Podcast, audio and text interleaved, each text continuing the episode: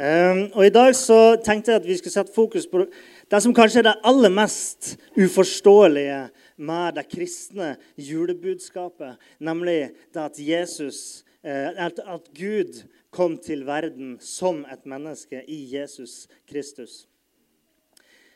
Det er en forfatter som heter for C.S. Lewis. Og Mange kjenner han kanskje som forfatteren av eh, Narnia-bøkene. og De er jo blitt filmatisert, og de kommer helt sikkert til å gå på TV nå i jula.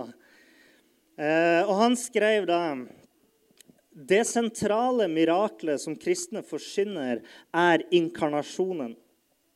De sier at Gud ble menneske. Alle andre mirakler forbereder veien for dette eller er et resultat av dette. Dere vet at Man begynte ikke å feire denne høytida eh, for å dekke over andre på en måte ikke-kristne høytider, eller for å bytte ut andre høytider. Men man begynte å feire denne dagen fordi at dette var det største miraklet eh, som har skjedd for oss mennesker. I dag så er det jo noen som har slutta å feire denne hendelsen, at Gud kom til verden. Kanskje bytta det ut med andre ting og, eh, og slutta å, å feire denne dypere betydninga av eh, juletida. Og eh, jeg satt og tenkte litt på det. Kanskje hovedsakelig det vi har bytta det ut med, er kos. Julekos. Det er jo det vi har så mye fokus på i jula. Nå skal vi kose oss. Hvis ungene er sur, så sier du nei, nå skal dere kose dere. og eh, Det er jo fryktelig koselig med julekos. Eh, men det er jo òg veldig synd hvis det skal stå i historiebøkene om tida vi lever i, at eh, da står det liksom kapittel 1578 da julekosen tok over for et budskap om evig frelse. Og Det er jo litt trist hvis det skal bli sånn. Og Jeg leste nylig om noen godt voksne, eh, et kristent eh, par som hadde helt slutta å feire jul fordi at eh, de syns at all fokuset på de gavene og materialismen og på nytelsen og kosen og sånt, har liksom tatt over for, for det egentlige innholdet i julebudskapet. da. Og Det var jo selvsagt til stor frustrasjon for deres barn og, og barnebarn, som da ikke kunne feire jul sammen med sine foreldre og besteforeldre. Men da tenker jeg, hvis det er sånn det har blitt, ja, hvor mye viktigere er det ikke da at vi fortsetter å tro på dette budskapet og fortsetter å feire at Gud kom til verden nå eh, i vår tid? Og så er det mange som lurer på ja, men eh, hvorfor var det sånn at Gud måtte komme til verden.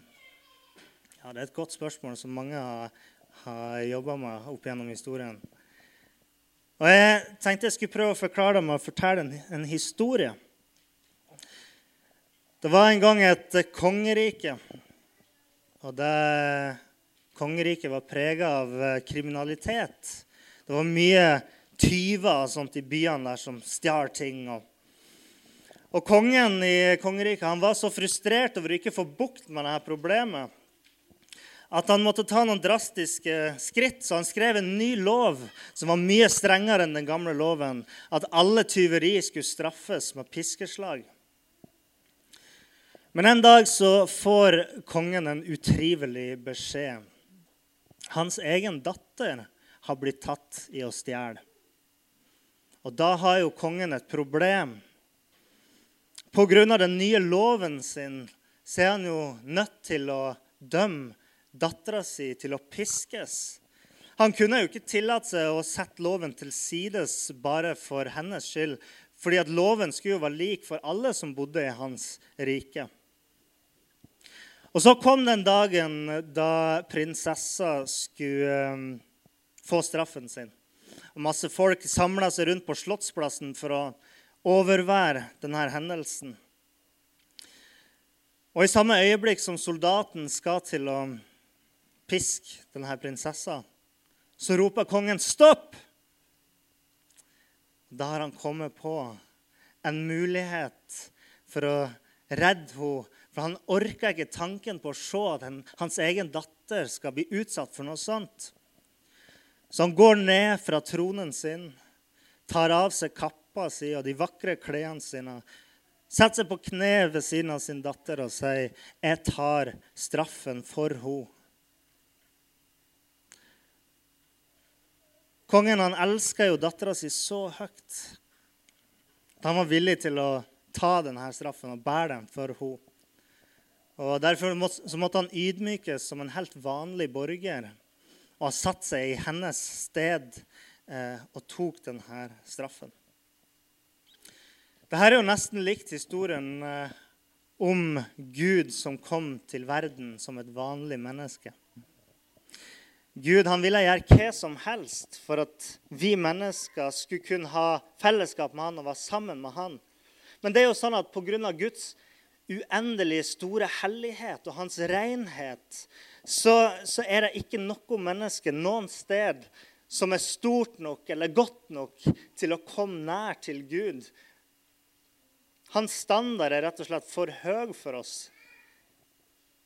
Men derfor så valgte Gud Han sa jeg kan ikke stå og se på at de ikke kan komme til meg. Jeg må gjøre noe det her. Og Da valgte han å gå ned fra sin trone og bli som oss. Han ble jo av profetene kalt for Immanuel, og det betyr Gud med oss. Vi kjenner han som kongen som ble født under kummerlige kår i en liten by som heter Betlehem, nemlig Jesus. Og Historien den stoppa jo ikke der med Jesu fødsel. Den fortsatte jo med at han eh, levde et liv, og han døde en død som et offer. Han ofra seg sjøl for alle oss og det offeret var så mye større enn det den kongen gjorde for sin datter. Kongen kunne aldri ha tatt straffen for alle mennesker. Det var kun Gud som kunne komme som Jesus og ta straffen for alle mennesker sine synder og skyld og for alle sykdommer. Den dagen da Gud kom til verden, det var begynnelsen på denne historien det var begynnelsen på det offeret han gjorde for oss. Og det, det er verdt å feire. God jul.